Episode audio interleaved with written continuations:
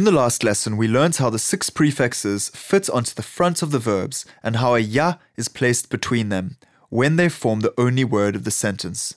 Today, we learn two new rules. The first is that if you wish to say that you are still doing something, also known as the continuous tense, you can replace the ya with a sa. For example, I am learning, ndiyafunda. I am still learning, ndisafunda. You are working, uyasebenza.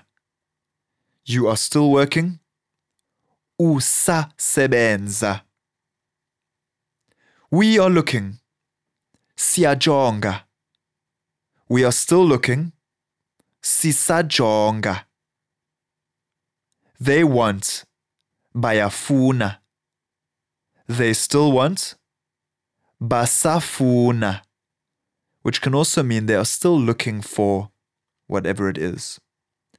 Unlike the ya, the sa is retained regardless of whether there are further words added to the sentence. That's because the sa has a particular meaning.